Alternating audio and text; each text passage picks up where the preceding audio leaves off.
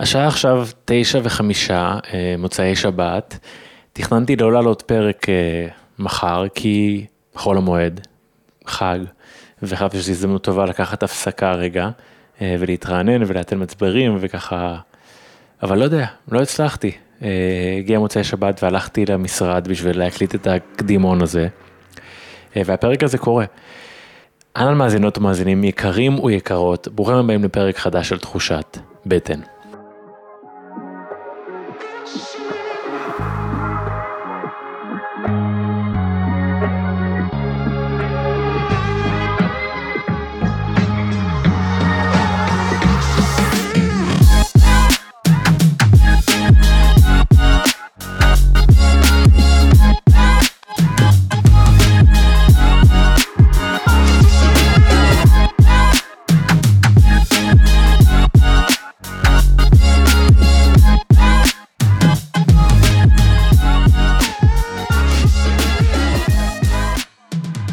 שבוע טוב יקירות ויקרים, מקווה שהפרק הזה מוצא אתכם בתקופת אה, חול המועד נעימה. ככה, אה, מה צריך יותר מהאווירה המדהימה הזאת שיש בחגים, אני אוהב אותם לפחות נורא. אם אתם חדשים כאן, תחושת בטן היא תוכנית שבאה לייצר שיח אלטרנטיבי בכל מה שקשור לבריאות שלנו, אה, ובריאות מבחינתי זה הרבה מעבר רק ל... לבריאות הפיזית, היא כל מה שקשור ליום יום שלנו, לנפש שלנו, לרגש שלנו. אני מתן חכימי, המנחה שלכם, אה, יוצר תוכן, מרצה ומחבר הספר חוקי בטן, ובשנים האחרונות אני חוקר את כל הקשר הזה בין הבריאות שלנו ובחירות אורח החיים שלנו, וככל שאני לומד יותר, בא לי לחלוק את הידע שאני צובר יחד איתכם, בעזרת המרואיינים שאני מארח כאן בכל שבוע. השבוע אירחתי את ליטל סימון. ליטל מטפלת ברפואה הודית, הרבליסטית, מתמחה במערכת העיכול, איזון מערכות הורמונליות נשיות ובמחלות אוטואימוניות, וניהלנו שיחה נהדרת על הבריאות שלנו. כרגיל להגיד שאם מצאתם ערך בפרק הזה, אפילו מעט ממנו, תחלקו אותו עם מישהו אחד שזה יכול לעשות אותו עם העוקבים שלכם, השותפים שלכם, ההורים שלכם, בארוחת החג, אה, העיקר שנוכל להפיץ עוד ועוד את כל הטוב הזה שנעשה פה. אני אתן לכם להקשיב, שיהיה שבוע נהדר והאזנה נעימה. היי ליטל סימון. אהלן. אני אגיד לפני שנתחיל, שיש לנו עוד פרק שעשינו יחד, נכון. מערכת העיכול. באתי להגיד שאם לא שמעתם אותו אל תקשיבו לזה, אבל אני לא יודע אם זה נכון בעצם, הם שונים לגמרי. הם ממש שונים. הם יהיו שונים. אבל סתם שתדעו שהיה עוד פרק עם ליטל סימון. אמ, אני מאוד שמח שאנחנו יכולים לדבר טיפה על היורבדה, הרפואה ההודית המסורתית. אה, אני למדתי ממנה מלא, אני בשנים האחרונות כל התפיסה הזאת שיש גישות אחרות לרפואה מהרפואה המערבית ממש אה, אה, מדליקה אותי ואני לומד ממנה המון, נגיע לזה. רציתי להתחיל בלספר לך שאתמול בערב הלכתי לפגוש חברה שהייתה בבית חולה. אה, עם אה, דלקת גרון, אה, ובאתי להביא לה כמה דברים, והיא אמרה לי שהיא במצב ממש גרוע, ושהגעתי, הרחתי ריח של סיגריות. ואז אמרתי לה, כן.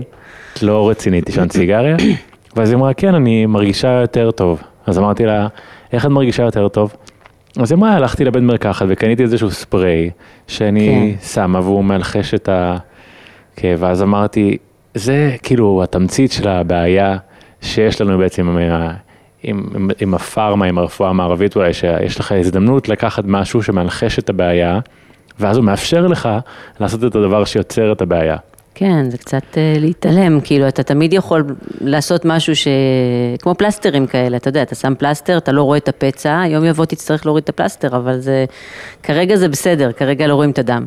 אז uh, כן, זה משהו שהוא uh, מאוד אופייני לרפואה מערבית. כן, ו... אחרי זה קראתי קצת מה כתוב, ורוב המרכיבים שהיו שם לא היו אה, בעיניי ראויים להרבה כאילו אה, מייצרי טעם, תחליפי סוכר למיניהם. כן, אה, זה כמעט היום בכל, תראה, בטח דברים שאנשים מרגישים את הטעם שלהם. אין, אי אפשר לתת לאנשים טעם לא טעים, בוא נגיד ככה, אז כן, אז זה משהו שהוא... וכאילו הייתי אומר לעצמי, כאילו, היא לקחה תרופה, אבל איפה הרופא שיגיד לה, זה לא יעבוד אם תמשיכי לעשן, את יודעת, כאילו, כאילו מאפשרים לך לעשות את כל מה שלא טוב עם איזשהו, אה, עם הפלסטר הזה. כן, אה, אני חושבת שזה אופייני היום לעולם שלנו, שכל הזמן מאפשרים לנו לעשות מה שאנחנו רוצים. אה, יש לי סיפור טוב על זה. יאללה. אז אה, אני חושבת ככה, זה אחד הסיפורים, ה... אני לא יודעת, בשבילי זה נקודת המפנה של החיים שלי, אז אני ככה חושבת שזה משהו מאוד מרגש. שבאמת, כשהגעתי להודו, אז הגעתי להודו מאוד כזאתי, חשבתי כזה, טוב, אני אעשה קצת יוגה, ואני אכנס לרוחניות כזאתי, וזה יהיה בסדר, ויהיה כיפי, והייתי כזאת הייטקיסטית, אה, אתה יודע. מתי זה היה בעצם הדבר הזה? זה היה לפני, בת כמה הייתי? 28 כזאתי, אוקיי. והייתי כבר בהייטק, וכזאתי מוצלחת, ו- ותואר ראשון במנהל עסקים, וכל מה שצריך. ונסעתי להודו, כי באמת היה כזה תקופה שהבועה התפוצצה של ההייטק ושל הזה, וככה לא היה יותר מדי מה לעשות. הבנתי שאני לא אמשיך אה, להרוויח משכורות עתק, ואז אמרנו, טוב, ניסע להודו כזה. נסעתי להודו ובאמת בהתחלה כזה התמנה לי מסיבות, כל מיני כאלה, ואז אמרתי לו, אני צריכה יוגה, חייבים יוגה, חייבים, בשביל זה באתי להודו ללמוד יוגה. וחיפשתי מורים וזה, ושמעתי על איזה מורה ברישיקש, ונסעתי למורה הזה ברישיקש, בשיא הזה, והמורה הוא כזה קשוח, ושש וחצי בבוקר, והוא אומר לך, תבוא כל בוקר, אתה חייב לבוא שבועיים, מינימום שבועיים ברצף, אחרת אתה אל תבוא. טוב, אני קשוחה ואני אוהבת uh, להיות חיילת, כזאת רצינית. אז באתי והתחלתי וזה וזה, ואחרי ממש uh, כמה ימים חליתי, אבל בצורה מאוד מאוד קיצונית. אני חושבת שהגוף שלי פשוט לא יכול היה לעמוד בזה, צריך להבין שעישנתי שתי קופסאות ביום, אפרופו החברה המעשנת, אז עישנתי שתי קופסאות ביום, אכלתי אפילו לא יכולה לדמיין מה אכלתי. אכלתי גרוע, בוא נגיד ככה, כל מה שראיתי. כן, פח זבל אנושי, מה שאני קוראת. כל מה שאתה רואה דוחף לתוך הפה. כזה, אה, ובאמת הגוף שלי, אתה יודע, עשיתי פילאטיס בעבר וכאלה, אבל הגוף שלי לא היה מוכן לדבר הזה של כל בוקר לקום אה, שעתיים וחצי, לעשות יוגה ומאוד אינטנסיבי. ובאמת נהייתי חולה מאוד, ושישולים והקאות, וחום נורא גבוה, וקריסת מערכות כזאת טוטאלית. ו, ובתוך הקריסה הזאת, אני כאילו, באים ככה לקחת אותי לרופא, כי באמת כבר היה נראה שמשהו ממש לא תקין, ואני אומרת, אה, טוב, אני רוצה ללכת לרופא היורבדי. שמעתי על רופא היורבדי כשהסתובבתי בלדק, ואיזה אוסטרלי אחד סיפר לי על היורבדה, והוא סיפר לי על רופא היורבדי, ואני כאילו אין לי מושג בכלום, לא הייתי אף פעם בדבר כזה, רק רופא היורבדי כי אני בהודו כזה, ומסתכלים עליי החברים שלי כזה, כזה מפגרת, מה נקרא, את הולכת למות, בואי, רופא היורבדי עכשיו. בואי לבית חולים. כן, אז אמרו לי, טוב, בואי נלך לרופא רגיל, כאילו מערבי, וגם לרופא היורבדי, ונראה מה נחליט אחר כך, כאילו ניסו לנחם אותי כזה, שאני לא, זה, שאני לא, לא, שאני אדע שהם הולכים לתת לי רק את הטיפול המערבי. ואז הלכנו לרופא המערבי קודם, כי זה מה שזה, אמרו לי, וזה, ונתן אנטיביוטיקה, וזה, שתי דקות אה, הסתכל עליי, נתן לי אנטיביוטיקה, לקחתי את האנטיביוטיקה בכיס, המשכתי ללכת. ללכת, זה היה קצת אה, פחות ללכת, לנסוע בריקשה, ואז אה, הגעתי לרופא היורבדי, והוא מסתכל עליי כזה, עכשיו הוא לא מדבר איתי. מחכה שהוא ישאל אותי שאלות, אתה יודע, שיראיין אותי, ישמע מה שלומי. הוא כזה מסתכל עליי, בודק לי דופק, לשון, ממשש לי את הצוואר, אני זוכרת שהוא משש לי את הגולגולת. נשבע לך, הסתכלתי כאילו, וודו, כאילו, מה הוא עושה האיש הזה? והוא כזה, זה, ואז הוא מסתכל עליי והוא אומר לי, תשמעי, אמ, אין לי הרבה מה לעשות איתך. ואז אני אומרת לו, אוקיי, מה, מה, מה זאת אומרת? אז הוא אומר, תראי, בתכלס יש לך עכשיו אמבות, והאמבות באמת במצב קשה, אני יכולת לך טיפול לאמבות, אבל מה שבעייתי יותר זה שעוד כמה ימים הולכת להיות לך ברונכית מאוד מאוד קשה. והברונכית הזאת זה מה שמפיל אותך כרגע, הגוף כבר מתכוונן לקראת הברונכית והוא כבר נופל. אז הוא אמר, אז כאילו המצב הוא מאוד אקוטי, ובגלל זה את מרגישה כל כך רע, זה לא סתם אמבות וכל זה. אז אני מסתכלת עליו, טוב, נו, אז אין לך מה לעשות איתי? אז הוא אומר לי, לא. אז הוא אומר, למה? אז אני אומר לי, תשמעי, נכון, יש לך ברונכית כל שנה? אז אני פתאום חושבת כזה, לא, אף אחד לא שאל אותי את השאלה הזאת אף פעם, אבל כן, יש לי ברונכית כל שנה, כבר חמש, שש שנים, כל שנה. בסדר, לא חשבתי שזה בעייתי ברונכית פעם בשנה, זה לא נשמע כזה קיצוני. אמרתי לו, כן, יש לי ברונכית כל שנה, אז הוא אומר לי, ואת מעשנת? עכשיו אני מתחילה לחשוב, יו, אני מריחה מסיגרות וזה, לא, לא עישנתי באותו בוקר, התחלתי לחשוב איפה הוא יודע שאני מעשנת.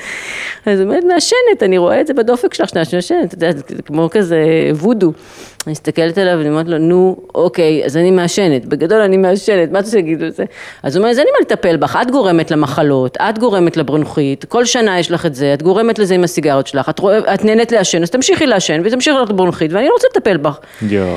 ואני חושבת שזה היה רגע כזה שהסתכלתי עליו בהלם, אתה יודע, מערבי כזה של כאילו, אני באה אליך ומשלמת לך כסף ואני אמורה לקבל טיפול, כאילו, מה נסגר, כאילו, אתה יודע, מה, מה קורה? הוא הסתכל עליי, והוא לא רוצה לטפל בי. וואו. ואז אמרתי לו, מה נדרש בשביל שכן תטפל בי? אז הוא אמר לי, תפסיקי לעשן היום. וזה הדהים אותי, אני וואו. חושבת שזה כאילו, זה היה בשבילי, אתה יודע, אני הייתי סמוקר כזאת, מעשנת כבדה, כזאת, זה היה החיים שלי.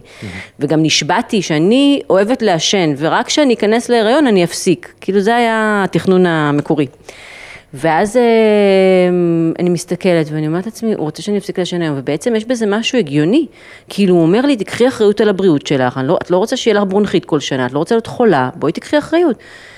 וזה ממש, זה היה שוק בשבילי. כמובן שהפסקתי לעשן באותו יום, הוא נתן לי גם צמחים לאמבות, גם צמחים לתמיכה בריאות וגם צמחים לעזרה לגמילה, לגמילה מהסיגריות, שזה היה כאילו מבחינתי מאוד אה, חשוב. ובאמת אה, תוך יומיים הייתי חזרה ביוגה. וואו. תוך יומיים, כאילו כש- זה... כשהרופא רצה לתת לך אנטיביוטיקה. אנטיביוטיקה לעשרה ימים, ואולי אחרי עשרה ימים זה יהיה בסדר, ונראה וזה וזה. ואני כאילו, אחרי יומיים התייצבתי ביוגה, בריאה, וואו. לחלוטין, מצמחים שהסתכלתי עליהם, אתה יודע, כדורים שחורים קטנים, מה נסגר? כאילו, אתה יודע, זה לא היה נראה לי משהו בו. ובאמת, אה, הפסקתי לעשן, והמקום הזה של לקחת אחריות על החיים ולקחת את האחריות על הבריאות שלנו, זה היה משהו שלא חשבתי עליו אף פעם, באמת לא חשבתי עליו, ואני לא הייתי בן אדם חסר מודעות או משהו כזה ברמה מסוימת, כי הייתי כאילו, כן עשיתי פילאטיס, וכן השתדלתי לאכול דברים יחסית יותר בריאים לפעמים, כאילו, אתה יודע, סלט, כמו, כמו אנשים כזה שמנסים, אבל אה, זהו, זה היה, זה היה, אני חושבת שמאותו רגע, אני, זהו, החלטתי שהאיורבדה זה החיים, אמרתי, מה שהוא עושה, אני גם רוצה, זה מה שאני רוצה לעשות בחיים, הלכתי, קניתי כל ספר על האיורבדה, וכל הטיול שלי, היה על היורבדה. פשוט הלכתי למקומות וישבתי ליד רופאים היורבדים והסתכלתי עליהם, אפילו שלא הבנתי מילה בחלק מהפעמים, פשוט ישבתי איתם וניסיתי להבין מה הם עושים. ואחר כך, כשחזרתי מהטיול אחרי שנה וחצי, נרשמתי ללימודי היורבדה ונסעתי להודו. כמה שנים את כבר אה, בעולם הזה? כמה שנים אני בעולם הזה? בעולם האירובדה. בעולם היורבדה, אמ, 17, אני חושבת, משהו מדהים. כזה 17, כן. אז מה, בא לי כאילו ש- שתשתפי את המאזינים באמת כאילו, היא הרפואה ההודית המסורתית בעצם. כן. אולי בואי נדבר טיפה קצת על זה, מה זה ו- ואיך זה בעצם בעיני, בעינייך שונה, חוץ מהסיפור שלך שהוא די מצמצת, אבל איך זה שונה באמת מהרפואה המערבית. תראה, היורבדה זה, אתה יודע, היור זה חיים. אוקיי. זה ידע החיים, כאילו, איך אתה חי את החיים שלך, לא סתם חי, אתה חי אותם בפוטנציאל הגבוה ביותר שלך, אתה חי אותם בצורה המיטבית ושומר על הבריאות שלך, זאת אומרת, זה החיים. והמקום הזה הוא בעצם כולל את הכל, כי זה לא רק אה, רפואה שאתה בא חולה ואתה בא. זה כל החיים שלך, כל אורח חיים, ומה אתה עושה, ובמה אתה עובד, ואיך אתה מתנהל, ו- ומה אתה, כאילו הכל. אז אה, זה כולל בעצם את כל, את כל מה שיש, אני חושבת, זה משהו שהוא מאוד... אה, אמרת את זה עכשיו, אבל זה מדהים בעיניי, כי באמת אה, יצא לי לחשוב על זה הרבה לאחרונה כשאני כותב, שהיה מפגש של הבן אדם המערבי עם הרפואה המערבית, קורה רק כשהבן אדם כבר חולה. כלומר, אין לך סיבה, אתה לא הולך לרופא סתם, וגם אם אתה הולך, אז הוא אומר לך, אוקיי, תעשה בדיקת דם, והבדיקת דם תקינה, כאילו, כאילו הבדיקה היא מידע מספיק על כל מי שאתה ואיך אתה מרגיש. כן. וזה רק יוצר עוד יותר, עוד יותר ריחוק, ובעצם האירובדה, כמו נגיד, בטח אני- אפשר לקשר את זה לרפואה סינית אולי גם, שרוצים לייצר בריאות, רוצים לבדוק שיש בריאות אמיתית, כן, אני ומהי תמיד, בריאות. כן, אני חושבת שיש מאוד, אה, הבדל מאוד גדול בין לא חולה לבריא. כי אתה יכול להיות לא חולה, מה זה לא חולה במערב? עוד לא היה רופא שנתן לך טייטל. כאילו, אתה יודע, איזה כותרת מפוצצת למחלה שלך, שמגדירה את המחלה. זאת אומרת, בן אדם שנגיד קם בבוקר, והיציאות שלו גרועות, לא משנה אם זה עצירות או שלשולים, עייף. ואחר כך הוא עייף, ואחר כך הוא נפילות אנרגיה, ואחר כך יש לו כאב ראש בערב, ואחר כך הוא הולך לישון, כאילו, בוא, זה אבל- בן אדם בריא. אבל הבדיקות דם תקינות, אבל הבדיקות. דם קטנות, הברזל שלו בסדר, אוקיי, כאילו זה, וגם מה, כאילו אתה יודע, זה כמה זה יכול לתת אינדיקציה באמת, אה, ככה, הנושא הזה של הבדיקות דם. כשהיום אני לומדת הרבה על בדיקות דם, אז אני ככה מת, מתעמקת בהם, זה משהו מאוד מעניין דווקא. יש לזה הרבה אמירות, רק לא בצורה המערבית, דרך אגב. אבל המ- המקום הזה באמת של אה, אה, לא להיות חולה, הוא לא אומר שאתה בריא, כי המחלה היום, כאילו, הרעיון של רפואה מניעתית בכלל לא קיים בעצם ברפואה המערבית, ואני חושבת שזה הבעיה העיקרית, כי ברפואה המסורתית תמיד הייתה רפואה מניעתית, כל הרפואות המסורתיות, זה לא משנה, אורבדה, סינית, רמב"ם, לא משנה, תמיד זה היה רפואה מניעתית, תמיד זה היה איך למנוע מאנשים להיות חולים, זה מעולם לא היה על לטפל במחלות, זאת אומרת, זה, זה היה המשני. כאילו אם כבר יש מחלה, מה נעשה איתה, אבל הרופא היה נמדד בזה שהוא משאיר את האוכלוסייה בריאה, לא בזה שהוא יודע לטפל באנשים חולים. כן. זה הבדל מאוד גדול, אני חושבת, ש... ממה שאנחנו חווים היום. יש לי בספר החדש שאני עובד עליו עכשיו, פרק שמוקדש לאיורבדה, ואני מדבר שם על מה שלמדתי מהאיורבדה, זה על, נראה לי, ששת שלבי ההתפתחות של המחלה. של המחלה, כן. שזה מדהים, כי המחלה עצמה היא השלב השישי, יש כל כך הרבה צעדים לפני זה שאמורים להעיר, להעיר את הבן אותך. אדם. כן, הגוף כל הזמן שולח לנו סימנים, וכל פעם אני אומרת, אם היו מלמדים בבית ספר, ללמוד את הסימנים האלה ולהבין מה הגוף שולח לך, אז פשוט לא היו מחלות. כאילו, היית יודע, היית עוצר את זה בשלבים כל כך מוקדמים, שלא היית מגיע להתפתחות של מחלה. וזה, אני חושבת, מה שאנשים עושים כשהם באמת חיים את אורח חיים היורבדי, שבעצם אתה חי אורח חיים, שכבר שמשהו קצת אה, מגמגם, אתה יודע, אוקיי, רגע, אני עוצר.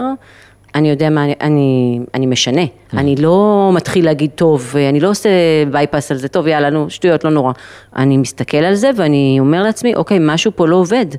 וזה מטורף לחשוב שהיום אנחנו לא עושים את זה. כאילו, נכון. אני פוגשת אנשים שמגדירים את עצמם בריאים, וכשאני, אחרי תשאול אחד, אני מסתכלת, מה בריא? כאילו, אין פה שום בריאות. כי וזה... מה את מגלה שמה יש? כי אני מגלה שיש עיכול לא טוב, שמבחינתנו עיכול זה דבר מאוד משמעותי, ואחר כך אני מגלה שיש אנרגיה בכלל, האנרגטיות בכלל לא זה, והמערכת חולה כל הזמן, כאילו, באופן תדיר יחסית, ו, וכאילו, אני מגלה שאנשים חלשים. יש דברים בפיזי, בפיזי החיצוני שאת יכולה ללמוד מהם על אה, איזושהי חולשה?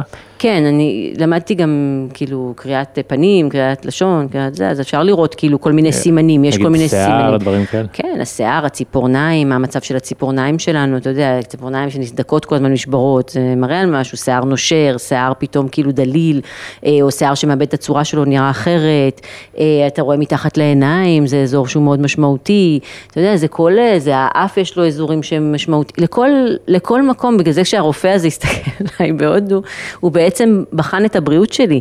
היום אני יודעת את זה, אבל אה, אני לא חושבת שכאילו, אתה יודע, אין את זה בכלל כמשהו שהוא זה, הבריאות שלנו משתקפת מהפנים. אתה יודע שכשבן אדם בריא, אז אתה אומר, וואי, יש לו איזה גלו כזה, כאילו, וואי, העור שלך מבריק. ו, וכמה אנשים מסתובבים ככה. Hmm. כאילו, זה בריאות אמיתית, תמיד באיורבד המתואר, איך נראה האדם הבריא, איך תדע שאתה בריא בצורה מיטבית. וכל הסימנים שם זה סימנים של, אתה יודע, שהשיער שופע וגדול, כאילו, אתה יודע, הכל, הכל ברור שם, אנחנו לא מסתכלים על זה ככה, כאילו, אם השיער קצת נושר, אז הוא נושר, וגם תמיד מחפשים איזה טיפולים כאלה, קוסמטיים כן. כאלה, אתה יודע, mm-hmm. טוב, יאללה, בוא נמצא משהו, יש לי קצת אקנה, טוב, נמצא משהו לאקנה. זה כאילו הגוף שלח לך סימן, יודע, כל דבר כזה אצל נשים, וסת כאילו מוזרה, או אתה יודע, ארוכה מדי, או קצרה מדי, או כאבים מדי, אז כאילו זה סימן, אבל אין לנו את ה... אנחנו לא עוצרים. כאילו אין לנו את העצירה הזאת ולהגיד, רגע, רגע, משהו ממש לא בסדר, בוא, בוא נטפל בזה קודם כל, כאילו בוא, בוא נטפל בגוף שלי. אנחנו מטפלים בדיעבד, כאילו זה כן, ה... כן, אתמול עם החברה הזאת, אפרופו, אז היא דיברה על, אני לא זוכר מה אמרנו, היא אמרה משהו... שהיא תעשה, ואז אמרתי לה, אבל, אבל הגרון, ואז היא אמרה, לא, היא אמרה כאילו, רק הגרון שלי, אבל זה לא שאר הגוף, אז אמרתי לה, לא, זה, הגרון הוא, הוא סימפטום, כל הגוף מאותת לך שמשהו עכשיו לא בסדר, אז אי אפשר רק להתייחס לגמרי, לגרון כרגע. לגמרי, כל הזמן זה סימנים, וכאילו, אנחנו קצת מתעלמים, אז אה, כן. אז, אז תני לי קצת איזשהו שפיל על הרפואה האירובדה, מה מייחד אותה, מה... יש כמה דברים שמייחדים. אחד, זה באמת ההסתכלות הזאת שכל אדם הוא שונה. אנחנו לא אותו דבר, כי הרעיון הזה שכולנו בעצם בני אדם, ואז אוקיי, אז כולם צריכים לקבל את אותו טיפול, או כולם צריכים לאכול באותה צורה, או כולם צריכים לחיות אותו אורח חיים, זה לא משנה אם זה טבעונות, 16-8, אה, פליאו, עכשיו יש קיטו, כאילו כל פעם יש איזשהו טרנד חדש, וכולם מיישרים קו, אומרים כן, זאת התזונה, זה נכון, שייק ירוק בבוקר, אה, אני אעשה את זה וזה וזה, ואז פתאום גלים אחר כך, אה רגע, אבל זה בעצם לא טוב לי, זה כן טוב לי. אנחנו שונים, אז המערכת העיכול שלנו שונה, ואנחנו מתנהגים שונה, וה, והטיפוס גוף שלנו שונה. אז זה הדבר, אני חושבת שהוא המהות, כאילו, של האיורבדה, שזה בעצם משהו מאוד מהותי, בסיסי, שאנחנו צריכים ממנו להתחיל. מי אני? Mm-hmm. כאילו, מי אני מבחינת הטיפוס הפיזי שלי, מבחינת הטיפוס אה, הרגשי שלי, שכאילו, גם פחות, אה, בשבילי זה עזר לי נורא פחות לכעוס על עצמי, כי הייתי נורא, כאילו, למה אני כזאת, ולמה אני כזאת, כאילו, יותר ברגשי נגיד, כאילו, למה אני טיפוס כזה אה, עצבני, ולמה אני קצת OCD, ולמה אני, אתה יודע, כל כך פרפקציוניסטית על דברים, וכל כך חשוב לי, וכזאת זה, בסדר, אז היום אני יודעת שאני פיתה, וזה מרגיע אותי. מה זה פיתה? אז אני אדבר שנייה על הטיפוסים כזה, שיהיה לנו כזה משהו, רקע. אה, אז הוואטה, יש לנו שלושה טיפוסים, ואטה, פיתה וכאפה. שלושה? שלושה. שלושה okay. אוקיי. טיפוסים, ואטה, פיתה וכאפה. אה, זה בעצם אה, גם כוחות שפועלים בגוף, וזה בעצם איזשהו טיפוס מסוים שכשהכוח, כשאחד הכוחות האלה מוגברים אצלך בגוף, אז זה הטיפוס שלך, אוקיי? אז אם יש לך הרבה ואטה, אתה תהיה טיפוס ואטה, אם יש לך הרבה פיתה, תהיה טיפוס פיתה. אבל לכולנו יש את שלושתם. אז הטיפוסי ואטה, כשאנחנו מסתכלים על טיפוסי הוואטה, הם אה, טיפוסים רזים, אני מסתכלת עליך על זה, אז אני מרוצה. אני כבר יודע שבאת. כן, אתה יודע שבאת. הם טיפוסים מאוד רזים, הם אה, ככה מפרקים כזה יותר, קנקים כאלה, הם מאוד זזיתיים, הם מאוד אוהבים שינויים, הם מאוד אוהבים ככה לזוז כל הזמן, שיקרה משהו, שזה אה, רזים מטבעם, שזה משהו שהוא לא מדובר למשל במערב, אנחנו חושבים שיש אנשים שהם רזים, כי הם בטח אוכלים נורא מעט, ויש אנשים שהם גדולים, כי הם בטח אוכלים המון.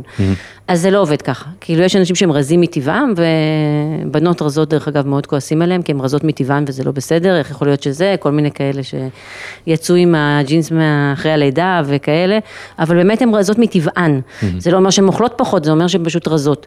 והמקום הזה של... סליחה, טיפוס, אה, טיפוס רזה של מישהו שהוא באמת, אה, אה, זה הגוף שלו, הוא גם באמת יש לו נטייה כאילו לשכוח לאכול הרבה פעמים.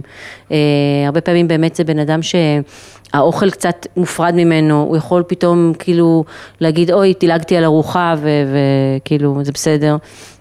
אמ, יכול להיות לו עיכול מאוד אה, חלש, יכול להיות כזה עיכול כזה מאוד רגיש, הרבה פעמים הוא מרגיש נטפחת לי הבטן מכל דבר, זה אוורירי, אז זה בא עם גזים, אז יש שם איזשהו עניין של כזה יותר אווריריות עם גזים וכאלה.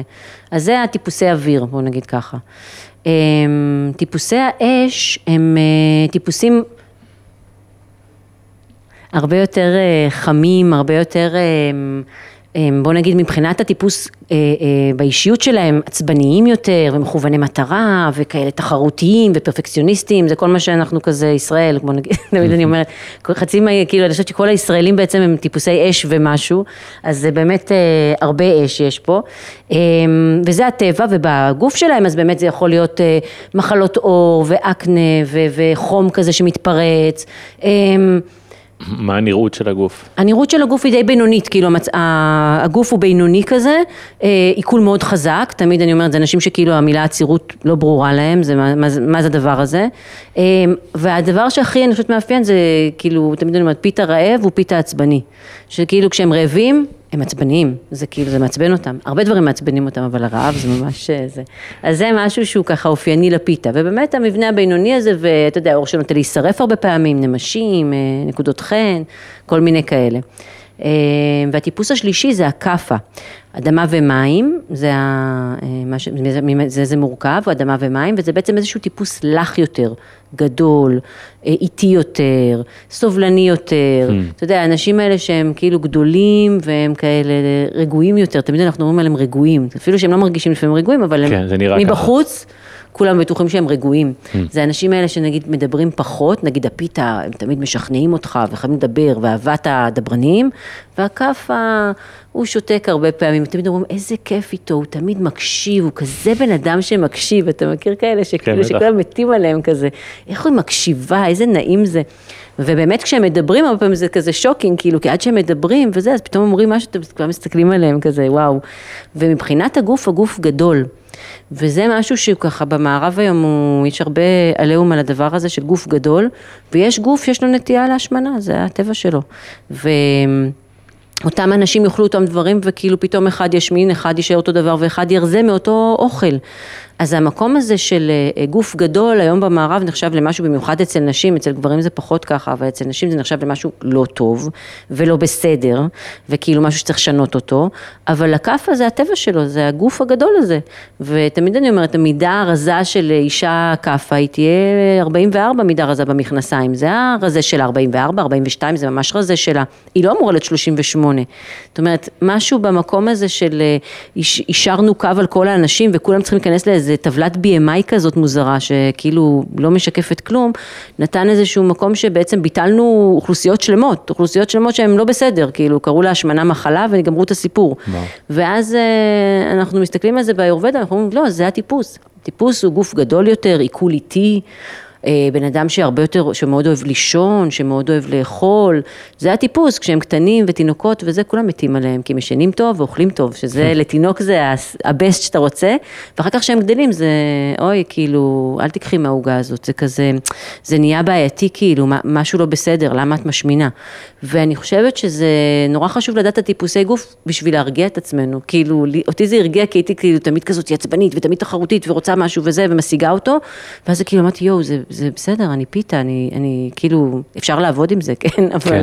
כאילו הרגשתי פתאום שזה, אוקיי, בסדר, ואז אני חושבת שנגיד טיפוסי כאפה כאלה שכועסים על עצמם, למה את לא אוכלת אה, רק חסה בשביל להיות אה, מידה 36-88 במכנסיים?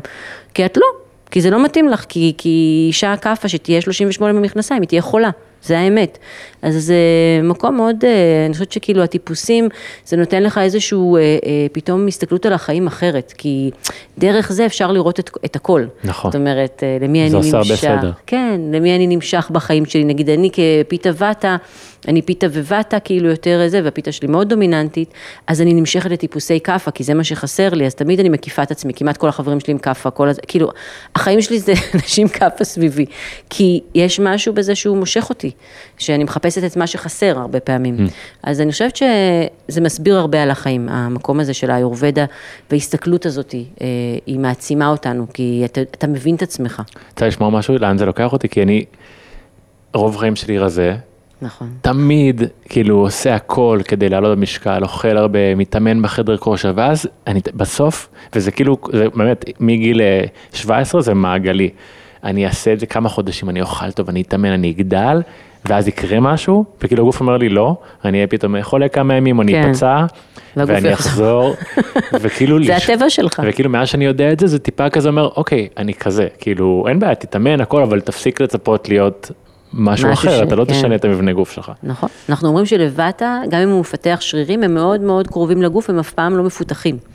זאת אומרת, זה משהו שהוא באמת, אה, זה ותאי מאוד, כאילו, ואני רואה לפעמים אה, גברים לוקחים אבקות חלבון בשביל זה, ואני מתה, זה אחד הדברים הכי נוראים בעיניי, כי לקחת אבקת חלבון בשביל לשנות את המבנה גוף שלך, שהוא הטבעי שלך, זה קצת מוזר, אז אה, בשביל מישהי כמוני, אז אני אומרת, זה באמת משהו שככה גברים נורא, מת, נורא מתעסקים איתו, כי הם נורא רוצים להיות גדולים, זה נחשב להיות גדול בתור גבר, mm-hmm. מה שבתור אישה זה כאילו הכי, הכי פחות.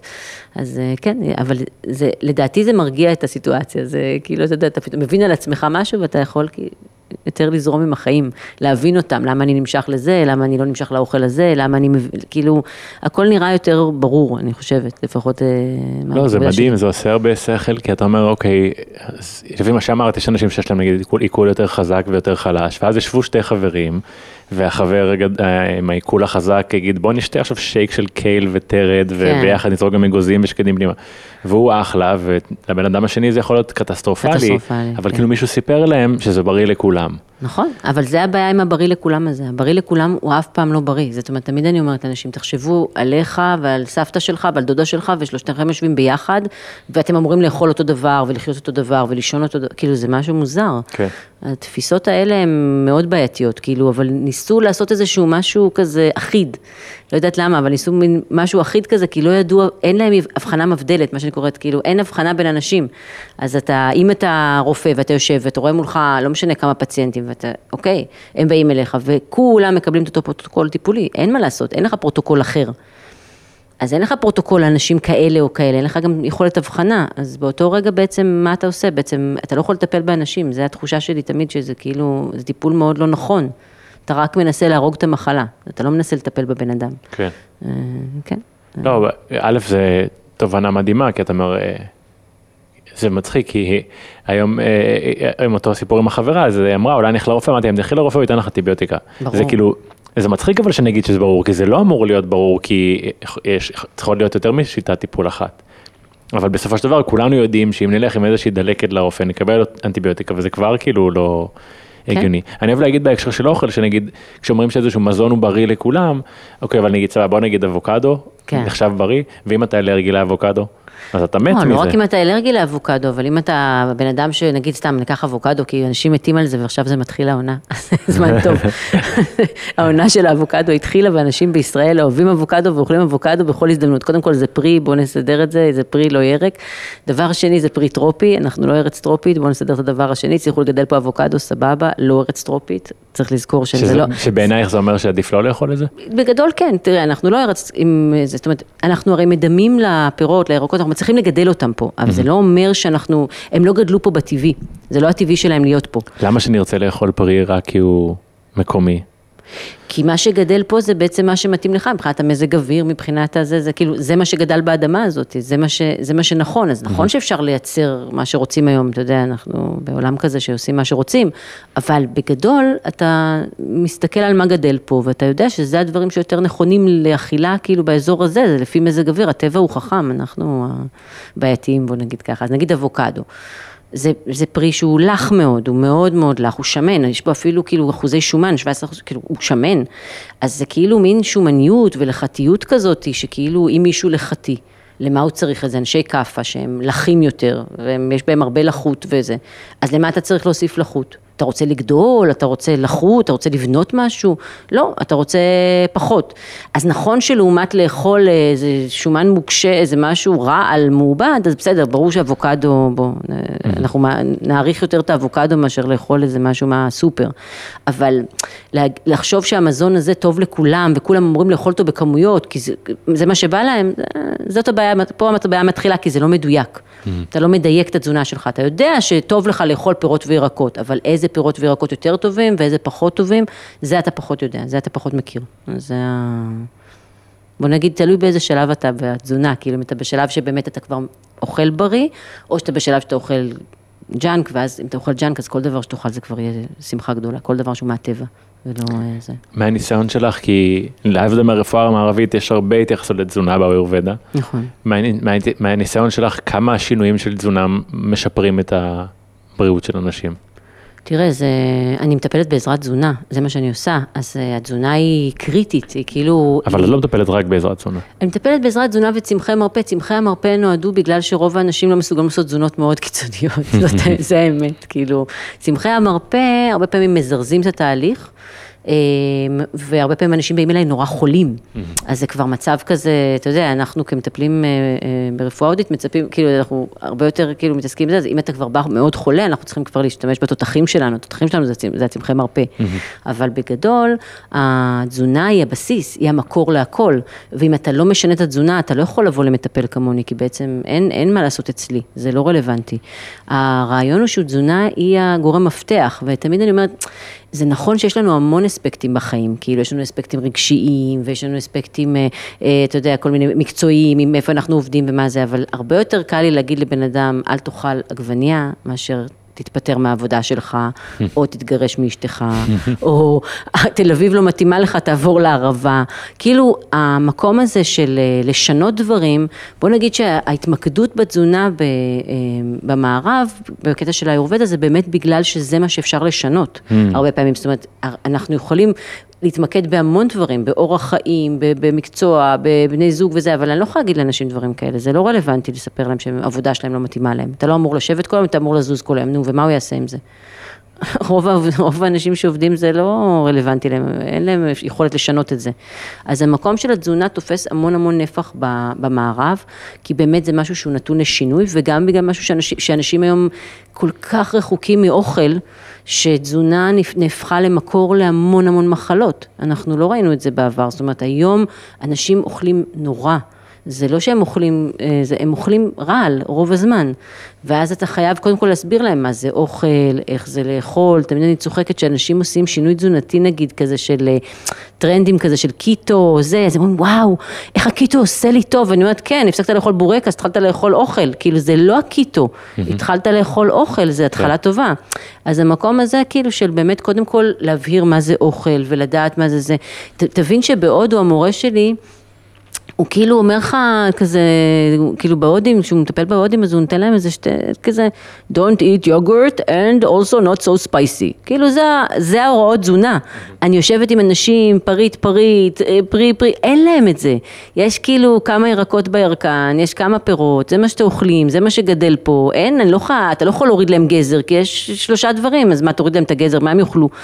אז זה כאילו סיטואציה מאוד אחרת בהודו ופה. פה אנחנו מתעסקים בתזונה כי העולם שלנו, השפע לכאורה הזה, נורא מבלבל, אנחנו לא יודעים מה לאכול, אנחנו כל הזמן אוכלים דברים שלא רלוונטיים לנו, ואז צריך להסביר לאנשים מה זה אוכל, איך לאכול, מה זה ארוחות, מתי אוכלים, כאילו עשינו שם בלבול קצת, זה ה... זה תמיד אבל גם מרגיש שה...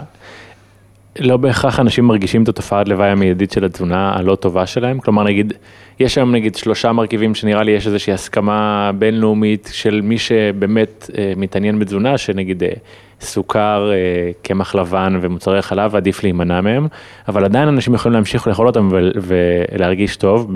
בארצות הברית אה, כבר התחילו לקרוא לזה אה, The Silent Killers, כאילו כן. הרוצחים השקטים. לא כל כך שקטים, ידעו את זה הרבה שנים, דרך אגב, השתיקו את זה בארצות הברית, כי הם רצו, אתה יודע, כי כל האלה של הסוכר לא רצו שידעו.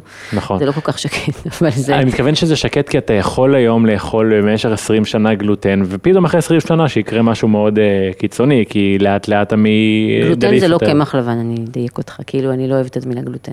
אה, קמח לבן זה קמח לבן והוא דביק והוא מגעיל והוא, והוא יוצר לנו דבק בבטן ואף אחד לא אמור לאכול קמח לבן, זה נכון. אוקיי. גלוטן זה משהו שיש אותו בדברים כמו גריסי פנינה, בשעורה, בשיבולת שועל, ברמה, מס- לא, לא בשיבולת שועל עצמה, אבל ברמה מסוימת היום בשיבולת שועל יש אה, אה, גלוטן. אה, יש גלוטן בהמון מוצרים, אבל זה לא עושה אותם לא טובים. כאילו, העליהום על גלוטן נובע מזה שכאילו נשים מרזות עם זה, זה קצת אה, כזה... רגע, נצחה. אבל העליהום על גלוטן גם קרה כי החיטה שלנו גדלה בצורה מאוד שונה מאשר שהייתה פעם, ואז אולי בגלל זה זה יותר אה, כל רגיש. הגרעינים שלנו גדלים אחרת ממה שהם גדלו פעם, יש לנו חברות אה, גרעינים, חברות של, אתה יודע, של, של אה, דגנים. חי- חיטה גדלה עם אה, כבר כאיזה נוגדי בעירה בתוכה, כאילו זה לא אותו דבר. לגמרי, אני אומרת, זה, זה, אבל הכל השתנה, כאילו צריך להבין שגם כוסמין, ככל שהוא יותר יצ- יצרכו אותו בעולם, שזה חיטה קדומה כזאת, לאט לאט יהפך להיות, זה תעשייה, זה תעשייה, יש לך ארגונים כמו מונסנטו, שזה כאילו חברות שהן, כאילו חברות ענק שהן דורסניות ורומסניות, והם יעשו הכל בשביל שהדגנים שלהם יתגדלו בצורה מסוימת, וזה- זה כן. מה שהם יעשו, זה החיים, של- זה, זה הרווחים שלהם, הם לא, הם לא יוותרו על זה. קראתי ספר אז- שלם על זה. כן, אז אני אומרת, אז המקום הזה של החיטה, גם כן, אני לא אנטי חיטה. יש לי אנשים שאני כן נותנת להם לאכול בורגול, שזה חיטה שבורה. זה בדרך כלל לא, לא על זה אנחנו מדברים, כמה כן, שפוגע בבריאות אומרת, של אנשים. ברור שלא, אני אומרת, קמח לבן, ברור שלא, אבל אומרת, אבל באמת, אה, אה, קמח לבן וסוכר הם אה, שני דברים שאני חושבת שבאמת אי אפשר, כאילו, אי אפשר לצרוך אותם, כאילו, בצורה שבה צורכים אותם, בטח במערב. זה משהו שהוא מאוד אה, קיצוני. אבל אנשים צורכים אותם והם שורדים אותם, אז כאילו איך אתה משכנע בן אדם להפסיק לאכול את זה? אתה לא יודע מה זה עושה לך, תמיד אני אומרת, הגוף שלך לא יכול לצעוק כל היום, הצילו, הצילו, הצילו, הוא לא יכול, הוא כאילו, הוא לא יכול, באיזה שלב הוא מפסיק. הוא מפסיק והוא מייצר מחלה. זאת אומרת, יום אחד אתה קם ואתה עושה את הבדיקות דם שלך ויש לך סכרת, יום אחד אתה קם ויש לך חסימת עורקים, יום אחד, אתה כאילו, הגוף לא שולח, הוא שולח לך אזהרות וזה, אתה מתעלם מהם, אומר, טוב, לא משנה, כאילו, בסדר, נכון, יש לי עיכול איטי, פעם בשבוע אני לא הולך לשירותים, אה, זה לא big deal. אה, נכון, יש לי צינון פעם בכמה ימים, אה, לא נורא, אה, נכון, יש לי לחה כזאת, תקועה, אה, כן, טוב, בסדר, כאילו...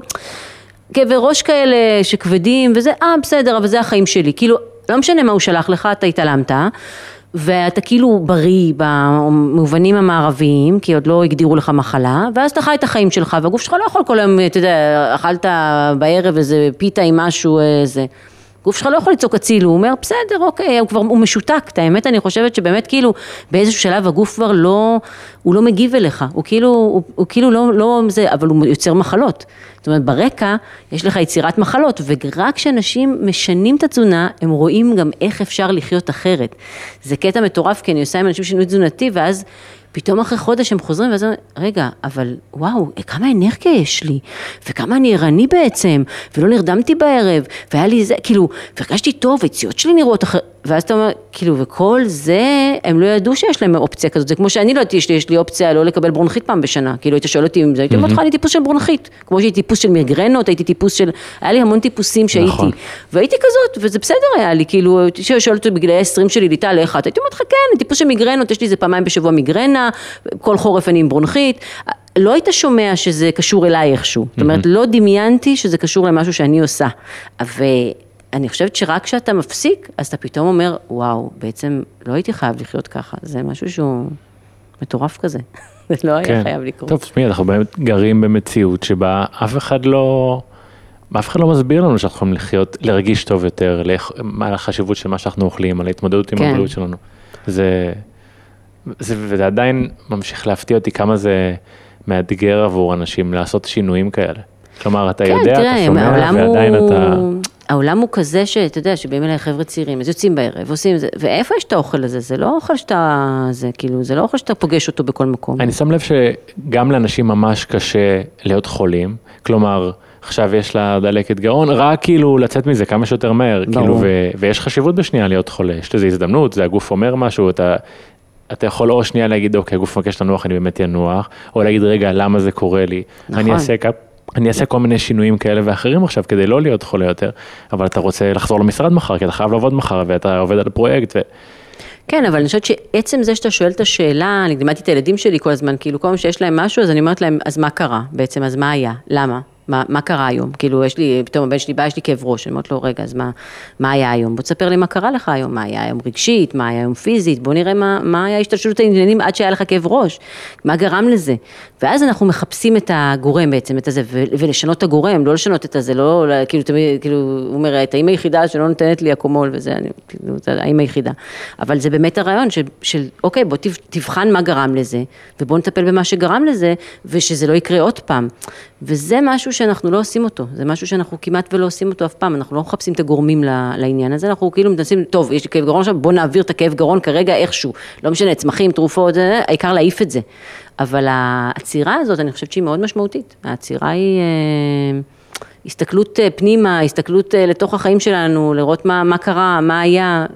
אפשר לעשות את זה גם אם רוצים נורא ללכת מחר לעבודה. כאילו, את יכולה לקחת את הצמחים או את התרופה, ועדיין להסתכל על זה ולהתבונן ולהגיד, אוקיי, בעצם פגעתי בעצמי ככה וככה, וזה מה שגרם למחלה. אנחנו כמעט תמיד, כמעט כל מחלה שלנו נוצרת, אנחנו קשורים אליה, זה לא נופל עלינו. תמיד יש תחושה במערב שזה נופל עליך, קרה לך, כאילו, המחלה נפלה עליך. המחלה לא נופלת עליך, המחלה קשורה למשהו שעשית, רגשית או פיזית. זאת אומרת, זה יכול להיות גם ברמה הרגשית, זה לא חייב שאכלת גרוע, זה יכול להיות שאכלת מצוין, אבל אתה כל היום מתעצבן, אה, אתה דיכאוני, אתה יושב בייאוש, אתה, אתה בחרדה. בשנה וחצי האחרונות אנחנו רואים את זה, חרדות, חרדה זה, זה מייצר מחלות. אז אתה מסתכל, אתה אומר, אוקיי, מה קרה לי, מה אני עשיתי וזה, ואיך אני יכול לשנות בשביל לא להגיע למחלה. זאת אומרת, זה משהו שלשם אנחנו מכוונים. כן, התחלנו את השיחה במשפט בגרסה קצת אחרת של אה, זה שאני לא חולה לא אומר שאני בריא. אני חושב שבריאות זה, חוץ מלא להיות חולה, זה ממש, בריאות זה שמחה, זה אנרגיה, זה, זה תשוקה לחיים, לגמרי. זה, זה, זה להכיר את הגוף שלך, זה, ואני חושב ש... את יודעת, זה, זה מצחיק, כי ה- ה- אני מפגש אה, עם בן אדם שעובר משהו, במיוחד אם הוא בריאותי, לוקח אותי למיליוני מחשבות, ושאתמול ביליתי עם החברה, אמרתי לעצמי, זה מדהים, בשביל להיות בריא באמת, ואני מח- בגלל זה הקדמתי עם להיות גם שמח ואנרגטי ותשוקה לחיים, כן. בריאות זה דבר שצריך לעבוד עבורו, כל יום.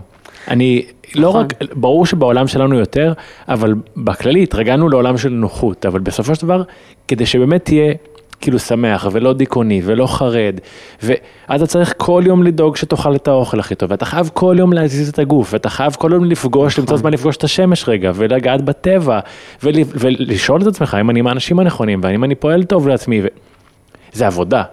כן, ו- והיא צריכה להיות מקום ראשון בסדר עדיפויות, לפני התואר הראשון והשני, לפני הקריירה, לפני הזוגיות, לפני האוטו שתקנה, או השעון, או הבגדים. בריאות. נכון, העיקר שום- הבריאות. אני חושב שכאילו, יש, יש איזושהי, איזשהו, סיב, לא יודע למה שאנשים מזלזלים בחשיבות של הבריאות, אולי אנשים אומרים, אוקיי, אני חולה בגיל מאוחר ולמי אכפת. כן, בגילאים שלך אני זה ש- משהו כזה שנראה לא קשור. כן, אבל כאילו, אני לא חושב שכאילו מישהו מגיע לגיל 60 או 70 או 80 ואז אומר, זה סבבה להיות חולה. כאילו עכשיו זה סבבה לי, זה לא. לא, אף אחד לא סבבה לו, אבל אני חושבת שבאמת אה, אנשים אה, בגילאים הצעירים, אתה כאילו פחות אה, נוטה לחשוב על זה. זה, זה משהו שאתה פחות מתעסק איתו. אבל אתה רואה את ההורים שלך שלוקחים תרופות, או את סבתא שלך, או אתה כאילו, זה לא שאתה כן, לא רואה זה את נראה זה. לך רחוק, זה כאילו בגיל הצעיר הכל נראה לך כזה רחוק, כאילו טוב, יום יבוא ויהיה לי בעיות, אבל מה עכשיו? מה, מה זה קשור עכשיו? כאילו עכשיו זה כזה, אתה יודע, איך אומרים, כאילו לחיות עכשיו, כאילו אתה יודע, כזה, בוא נחיה וכאילו, מה זה משנה? אבל אה, זה בעיה כי זה הולך וגובר, אה, החוסר בריאות, בוא נגיד ככה, המחלות הולכות ומתקדמות לכיוון של אה, צעירים יותר. אנחנו רואים אותם היום, אה, זאת אומרת, אם פעם הייתי מטפלת נגיד בסכרת בגילאי 50-60, אז היום כבר אה, 40, כאילו בכיף, כאילו יש סכרת, זה כאילו הכל יורד. אין לילדים היום את הבריאות הטובה שהייתה פעם, זאת אומרת, אין את המקום הזה שאתה גדל, ולפחות כשאתה גדל, נותנים לך אוכל בריא, ואתה אוכל מבושל, ואתה אוכל משהו מהבית, וזה היום ילדים גדלים על פיצה. אז הם בעצם כבר מראש, הם חולים, זאת אומרת, מדברים על זה שתוך עשר שנים מדברים על אחד מארבע ילדים סוכרתי. כן. זה קיצוני. וזה מצב שהוא באמת, אה, כבר אין לנו את השנים של החסד. כאילו, אני רואה אנשים בני 20-30 היום, ואני יודעת איך אני התעללתי בעצמי בגיל 20-30, קשה מאוד, אז אה, אין להם את החסד, אין להם את הזמן הזה. הם חוטפים אותה בגילי 20-30 בצורה קיצונית. היום מטפלת הרבה בגילאים האלה, וזה לא היה ככה. כי אין להם, הם הם בעצם גדלים אה, גם רגשית במצב מאוד מאוד מעורער בגלל הטלפונים ובגלל הרשתות החברתיות וכל זה, יש שם משהו מאוד מעורער אה, רגשית, חר, חרדתיים הרבה יותר ו- וככה. העידן הרבה יותר תחרותי, הרבה השוואות. יותר תחרותי, הרבה יותר, זה, יותר, מדי, יותר מדי ידע, יותר מדי, אה, אתה יודע, יותר מדי נגישות למי- למידע, משהו קיצוני מאוד. וגם אה, אה, אוכל, הם, הרבה מהם לא אכלו אוכל טוב בבית, זאת אומרת, הרבה מהם כבר לא גדלו על אה, ארוחות בריאות, הם גדלו על ג'אנק. ואז כבר אין לך את המערכת הבסיסית הטובה שיכולה להגן עליך עד ככה גיל 40-50. אין לך את זה כבר יותר. אז אנשים צריכים לקחת בחשבון היום שהם חייבים לטפל בעצמם כל הזמן. אמ, זה לא היה ככה, זה לא היה אמור להיות ככה גם, אני חושבת שאנחנו מצחיקים כי אנחנו יצרנו מין עולם כזה שכאילו כל הזמן אנחנו צריכים להתנגד, כאילו אנחנו כל הזמן צריכים לשבת, לא, זה אני לא רוצה לאכול, וזה אני לא, זה, כאילו העולם הוא כולו קורא לנו כאילו ל, לעשות, אה, אתה יודע, לאכול אוכל לא בריא ולעשות דברים לא בריאים ולחיות לא בריא וכל זה, ואנחנו כל הזמן צריכים להגיד לא, לא, רק לא זה, זה, זה, כאילו תמיד אמרתי, אני כאילו הולכת בעולם ואני כזה... לא, לא, לא, את זה אני לא רוצה, אני לא אוכלת את זה, אני לא עושה את זה, אני לא רוצה את זה, כי באיזשהו מקום, בשביל להיות בריא, אתה צריך נורא להגן על עצמך. להתחבר לדברים, להבין מה טוב לך, להבין מה, מה אתה לא רוצה להכניס לגוף שלך או לתודעה שלך. וזה משהו שכאילו קצת אנחנו עובדים בו, כאילו אנחנו, אה, בעולם שלנו היום, אנחנו צריכים כאילו לעבוד בזה, כי יש יותר בייקרי מאשר אה, טבעוני בריא או לא טבעוני בריא, כאילו אין את זה. זה כאילו אין את המקום הזה של באמת... אה, נגישות של האוכל הבריא והדברים הטריים והטבע, וזה, אין לנו את הנגישות לזה כל כך, אנחנו צריכים לחפש את זה, אנחנו צריכים ללכת וזה, וטוב, זה קצת... אה, אה, זה כאילו, את- זה לא ספק, זה לא אה, קל. מצד שני, את יודעת, אתה מבשל בבית, או אתה מחליט משהו, את יודעת מה עוזר לי? מה שראיתי הרצאה בטד לפני איזה שבוע, שממש פתחה לי את הראש על כל החמש שנים האחרונות שלי עם הבריאות, אבל זו הרצאה שהייתה בכלל לא על בריאות, אלא על בכלל, לא זוכר, על יזמות, או על איך להצליח, ודיברו על אה, עייפות בקבלת החלטות, ואמרו שעדיף אה, להיות 100% במשהו מאשר 98%, כי אם יש לך מקום להתחבט, הסיכוי שכאילו כבר תיקח את ההחלטה הנכונה קטנה, ואני נגיד אה, ב- בשנים האחרונות שהתחלתי לקבל החלטות שקשורות לבריאות שלי, הראשונה הייתה נגיד שאני לא אקח תרופות יותר, כן, השנייה הייתה שאני לא אוכל נגיד יותר זבל בחיים, ו...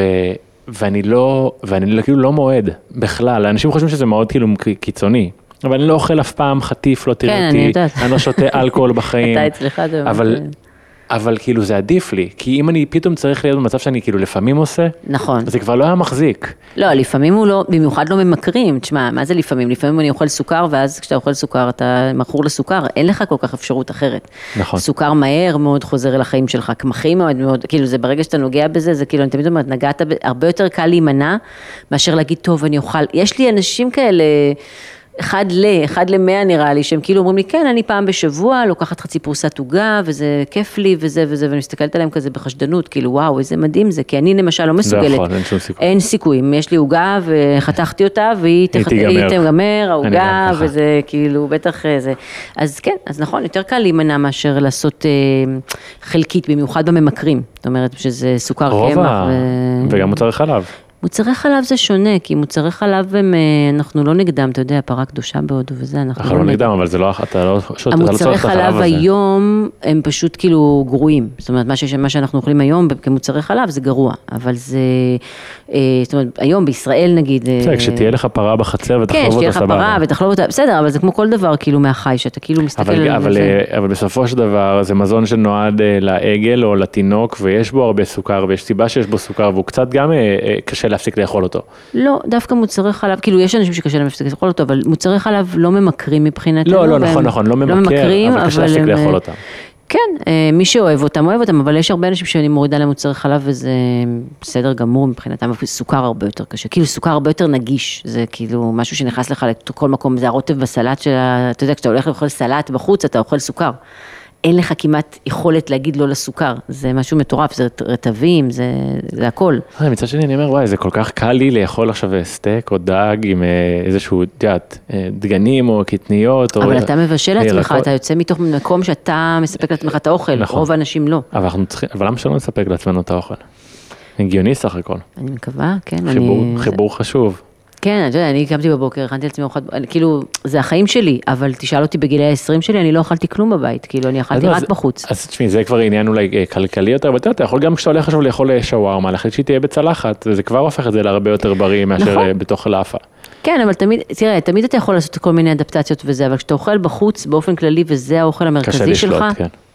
אתה מאוד, אה, אתה לא בשליטה. גם כשאתה אוכל יחסית בריא, אתה לא אוכל בריא, כי אוכל במסעדות צריך להיות נורא נורא טעים, אחרת הוא לא, אף אחד לא יאכל אותו. כאילו, זה לא, אף אחד לא יאכל אוכל לא טעים. מה, אבל איך את אומרת את זה? אני, אני חושב שאני מכין את האוכל הכי טעים בעולם, יותר טוב מרוב המסעדות שאני מכיר. ואגב, והמסעדות שאני אוהב, לא, לא מכניסים זבל לאוכל שם, והוא יוצא מאוד מאוד טעים. בסדר, אבל באמת, כמה כאלה יש? כמה כאלה? לא, זה אבל לא הנגישות שלא, הרגילה. שלא נעביר את הכוח כאילו למניפולציה לאוכל כדי שהוא יהיה טעים, הוא טעים, מוצר טרי שמבשלים אותו הכי טעים בעולם. אבל אני אומרת ששמים לך סוכר על כל דבר, אז הוא אקסטרה טעים, הוא אקסטרה ממכר גם, הוא אקסטרה, אתה אוכל אותו אקסטרה. כן. אה, תמיד צוחקת, כאילו זה, אתה מסתכל על אסיאתי, כל המזון האסיאתי מלא סוכר, אין כמעט מזון אסיאתי, כאילו בכל מסעדה אסיאתית זה ערימות של סוכר, תגיד, תגיד, תיכנס למסעדה אסיאתית, תגיד שלום, אני לא אוכל סוכר, יגידו לך ביי, הנה הדלת, זה כאילו מצחיק, אה, מעבר למונוסודיום וכל מה שהם שמים בתוך האוכל, וזה כאילו, אתה יודע, עכשיו אתה יכול לעשות אסיאתית מאוד מאוד טעים בבית בלי סוכר, אבל אתה יודע, כמה אנשים באמת... אם אנחנו מדברים על אה, מנות יותר מורכבות אז כן, אבל מבחינתי אוכל אה, זה דבר כאילו שהוא פשוט, קח חתיכה של דג,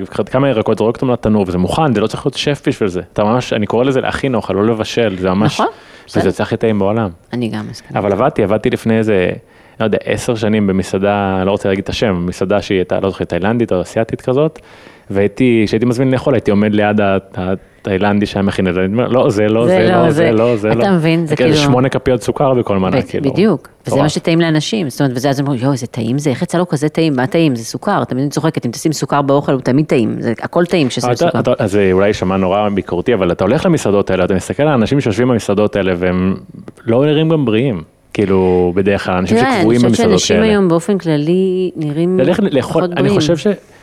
אגב, אמרת את זה קודם, שהאירובדה מגדירה בריאות לפי המראה, כן. אבל אתה, אתה לא, אתה מכניס לגוף שלך עכשיו נגיד, שם היום אה, קמח לבן, ואז סוכר, ואז איזה מנה תאילנדית, ואז איזה עוד קרואסון, ואז קולה, ואז צ'יפס, ואז אתה הולך לאיזה סרט ואוכל, רואים את זה על הבן אדם. רואים על הבן אדם אם הוא לא נכון. אוכל בריא, זה ממש קטע, אתה ממש רואה את זה, או שהשיער חלש, או שהעור פנים אה, יש לו עיוותים, או אפילו, אפילו איך, הצורה של, ה, של הגוף, נכון. אתה רואה את זה, שבן אדם לא מחזק אותו, נכון. כאילו זה, זה ממש, אה, לצערנו.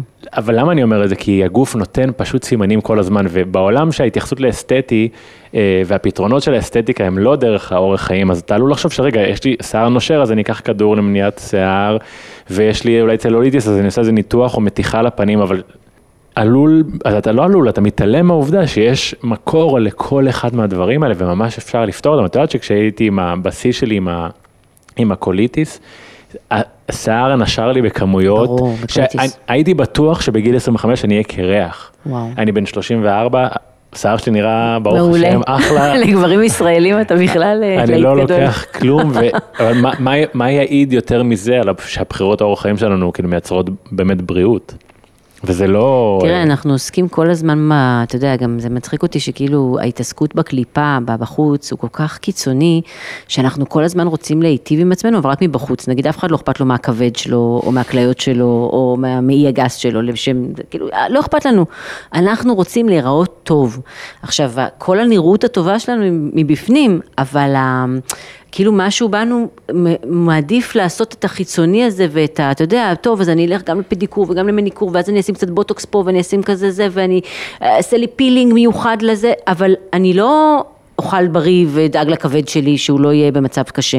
כן. זאת אומרת, יש משהו בדבר הזה של לטפל בעצמנו כל הזמן חיצונית, חיצונית, חיצונית, שהוא נורא מצחיק אותי, כמה השקעה, למשל נשים זה כאילו שעות של השקעה בחיצוני, אפס, אפס בפנימי, כאילו באיברים הפנימיים שלנו, לא מדברת על הרגשית גם בפנימי, כן. כן. אבל גם ב... כאילו, אם היינו משקיעות את הכסף הזה ואת השעות האלה בלחדש את האיברים שלנו הפנימיים, וואו, היינו הדבר הכי בריא בעולם, זה מטורף. בהקשר הזה אני רואה נגיד הרבה אה, מתאמנים, מאמנים שיעשו שלוש אימונים ביום, שזה בעיניי גם כבר כאילו קצת על גבול ה... יותר מדי, אבל לא ישנו טוב בלילה ויצרכו כמויות גדולות של אלכוהול וסמים, וכאילו, אבל, אבל כאילו אין התייחסות שהיא 100% לבריאות, כאילו אני אעבוד על מאמני הש... כושר, מאמני כושר, מה שהם לומדים ומה שהם יודעים זה דברים מאוד לא, אתה יודע, מאוד לא הוליסטיים, מאוד לא, מאוד קיצוניים. התפיסות שלהם באות מתזונה, אתה יודע, של דיאטנים מערבים, ועם כל הכבוד זה, אני לא, אתה יודע, זה ממש, ממש לא נכון. כל התפיסות של הפחמימות, חלבונים והזה, ואז הקלוריות, הם מדברים על קלוריות עדיין בימינו אנו, שזה כאילו כל כך מיושן ולא קשור, כי הרי אותם קלוריות מקרואסון או מאורז עם ירקות, בוא, מה הקשר בכלל? אז המקום הזה, כאילו שכל הזמן, וכל הזמן BMI, וכל הזמן לבדוק את הזה, כל התפיסות האלה הן כל כך מיושנות והן כל כך לא רלוונטיות, שאני מופתעת עד היום שזה מה שהם מלמדים אותם, ומאמני כושר זה מה שהם לומדים, זה לא בקטע רע, הם לא מנסים להזיק למישהו, הם כן מנסים לה- להיטיב, אבל בסוף הידע שלהם הוא ידע מאוד מוזר ומאוד לא נכון, וכשהם נותנים תזונה, למשל, הרבה אנשים לוקחים את התזונה מהמאמן כושר שלהם, כן. כי הם רוצים להתחתב, הם רוצים להיות זה, הם רוצים שיהיה להם שרירים, כל מיני רעיונות כאלה, ואז אוקיי, זה נראה בהתאם.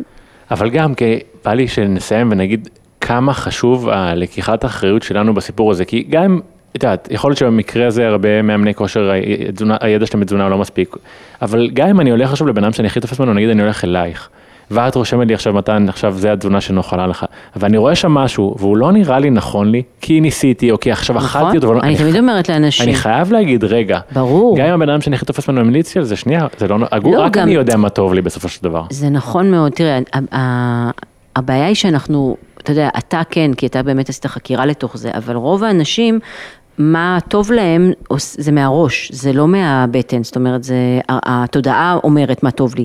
כי הוא שמע משהו, כי הוא זה, נגיד, אנשים שאוכלים סלט בכמויות. הרבה פעמים הם באמת שמעו שסלט זה נורא נורא בריא, זה לא שהם נמשכו לסלט באופן נורא נורא קיצוני. הם יודעים שסלט זה דבר בריא ולשם הם הולכים.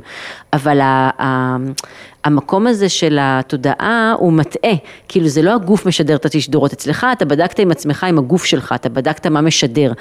רוב האנשים מדברים מתוך התודעה, זה טוב לי כי לא משנה, קראתי בוויינט אה, שבשקע הירוק יש דברים מדהימים, זה לא משנה מה, ואז, ואז יש טעות, אבל זה נורא נכון שבסוף כשאני עובדת עם אנשים, המטרה שלי זה שהם ידעו מה נכון להם, זאת אומרת, הם כבר יקלטו שהירק הזה פחות טוב להם מהירק הזה, הם כבר יגידו לעצמם, "אמ, אני לא, זה, היום כשאני לא נגיד, אני נמנעת מפלפלים כבר שנים, אנשים כל הזמן צוחקים עליי, פלפל, מה יש לך מפלפל, למה את עושה סרט מפלפל, מה קורה לך? וזה, זה נשמע כזה קיצוני, כאילו, באמת זה נשמע קיצוני, להימנע מירק. אבל ממש עושה לי רע. כן. אז זה כאילו, אני יודעת את זה, אני, זה כבר לא משהו שהמורה שלי צריך להגיד לי, או המטפל שלי צריך להגיד לי, אני יודעת מה זה עושה לי, אני מרגישה את זה, וכל פעם שאני אוכלת פלפל, אני יודעת איך אני מרגישה אחר כך, וזה לא שווה לי, זה מתוך זה שזה לא שווה לי, זה לא מתוך זה שמישהו אמר לי, וגם אצל המטופלים שלי אני שמחה שהם מגיעים למקום שהם יודעים, אומרים לעצמם, וואלה, זה לא טוב לי. הם מרגישים על הגוף שלהם, זה כבר לא ליטל אמרה לי, כי כמה זה יכול להחזיק שמישהו אומר לך מה לאכול ואתה תחזיק בזה.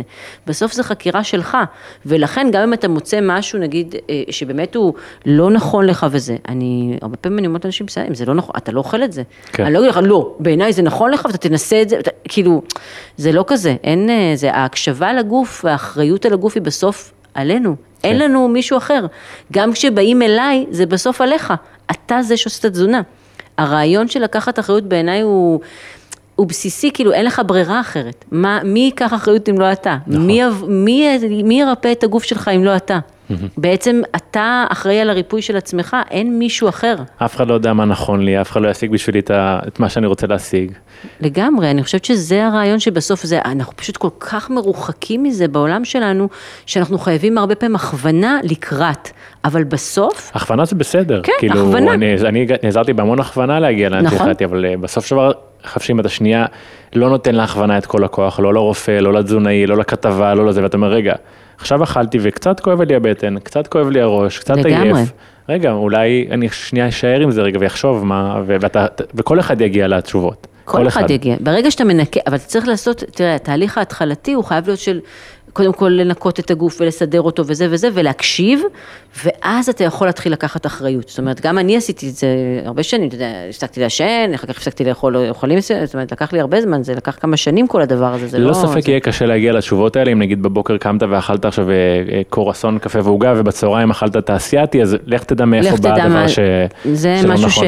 לך. זה משהו שהוא, זה, זה הבעיה שלנו היום, שאנחנו אוכלים ארוחות מורכבות מדי, אנחנו אוכלים דבר, הרבה דברים, אנחנו, הסדר יום שלנו כל כך בלאגן. בגלל זה אני חושב שכאילו לבשל זה אחד מהדברים החשובים והבסיסיים, כי א', כשאתה מבשל אתה צריך לקנות את האוכל. ואז נכון. שנייה הלכת לשוק, הלכת למכולת, נגעת בירק, אירחת אותו, שנייה מבין, רגע, אולי הפלפל הזה לא בא לי בטוב, כבר שאני נוגע בו ומסתכל עליו, אני יודע נכון. שזה לא מה שאני רוצה.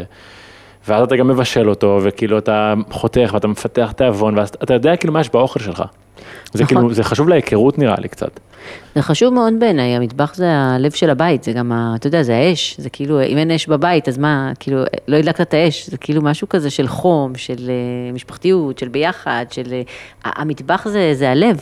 אז אה, אתה יודע, ואני באמת כאילו, כשאני חושבת על עצמי, אני אומרת, גם לא גדלתי ככה, גדלתי בבית שלא מבשלים בו, וגם הרבה שנים התנגדתי ללבשל ולהיכנס למטבח ולהתחיל לבשל, והיום אני מבשלת המון, אני כל הזמן, אני מאוד אוהבת לבשל. אבל המקום הזה הוא באמת מקום של דאגה לעצמך, לסובבים אותך, לא משנה אם זה משפחה, חברים, כאילו אתה... זה, זה, זה לחיות, כאילו זה חיות כזאת, ו, ובלי זה אין, זה מה שמצחיק, במסורות אף פעם לא היה דבר כזה, תחשוב כאילו שבתזונה מסורתית, כאילו תסתכל על חברות קדומות, לא, בא- אני לא טיפוס שמבשל, כאילו, איזה מין משפט זה? זה כאילו אני לא טיפוס שנושם, זה כמו להגיד אני לא טיפוס שנושם, אני לא טיפוס שחי, אז אם לא תבשל, אז מה תאכל? כאילו, הרחקנו, אני אומרת כל הזמן, הרחקנו את עצמנו מהכל. כי, כי גם זה יושב ב- ב- בעידן הזה של הנוחות, כמו שאמרתי, כאילו, אתה רוצה להיות בריא, אתה צריך לעבוד בשביל זה. כאילו, נכון. אני, להגיד אם אני אהבתי לבשל או שלמדתי לא לבשל, לא יודע, אני, אני צריך לייצר לעצמי אוכל, אני צריך לייצר שהוא יהיה טעים, כן. אני עובד על זה, וזה הופך להיות משהו שאני כבר אוהב, אבל הוא גם צורך, ברור שהייתי מעדיף שהאוכל ינחת עליי מהשמיים, בריא, טעים וזה, אבל ברור. אבל אני חושבת שיש לזה הרבה ערך לבישול ולהתעסקות הזאת עם האוכל ולחיבור הזה, כאילו להתחבר למה טוב לי, מה לא טוב לי, מה נכון לי, מה אני רוצה היום, במזג אוויר הזה, בסיטואציה הזאת, בשעה הזאת. יש לזה המון, זה, זה, זה האיורבדה, זה, זה מה שהאיורבדה נותנת, כאילו, מה אני עכשיו, לא, זה בישראל, בשעה הזאת, בזה, בזמן הזה, בסתיו, אני מסתכל על כל התנאים ומשם אני מתחיל. אני לא, אתה יודע, מה בא לי, תמיד יש את הזה, מה בא לי, לא בא לי, מה אני צריך עכשיו, מה נכון לי עכשיו, לא כל כך מה, אתה יודע, מה בראש שלי, כאילו שזה ה... זה, ואנחנו חיים בחברת מה בא לי, אנחנו פחות חיים בחברת מה נכון לי, אז אה, זה נראה לי שזה ה- אמרנו שהיורבד הזה, אה, חיים, ידע החיים, היור, ידע החיים? ודה, כן, היור זה חיים, ודה זה ידע. אז בעצם ידע החיים, לדעת איך לחיות, איך לחיות בפוטנציאל הגבוה ביותר שלנו, איך לחיות ולהישאר בריא. זה, ה, אני חושבת שזה המפתח של כל הדברים. ומשם אנחנו, אה, זה, זה הדבר הכי חשוב, אני חושבת, משם אנחנו מתחילים, מדהים. יאללה, שכולנו נהיה בריאים. לגמרי. תודה שבאת שוב ליטל. תודה רבה. תודה חברים שנשארתם עד סוף הפרק, מקווה שמצאתם ערך במה שהיה ליטל להגיד, אני יודע שאני לומד מליטל המון. כרגיל להגיד, אנא מכם, חלקו את הפרק הזה, כדי שלעוד אנשים יהיה את הידע הזה שעכשיו יש לכם. שיהיה שבוע נהדר ונתראה בשבוע הבא.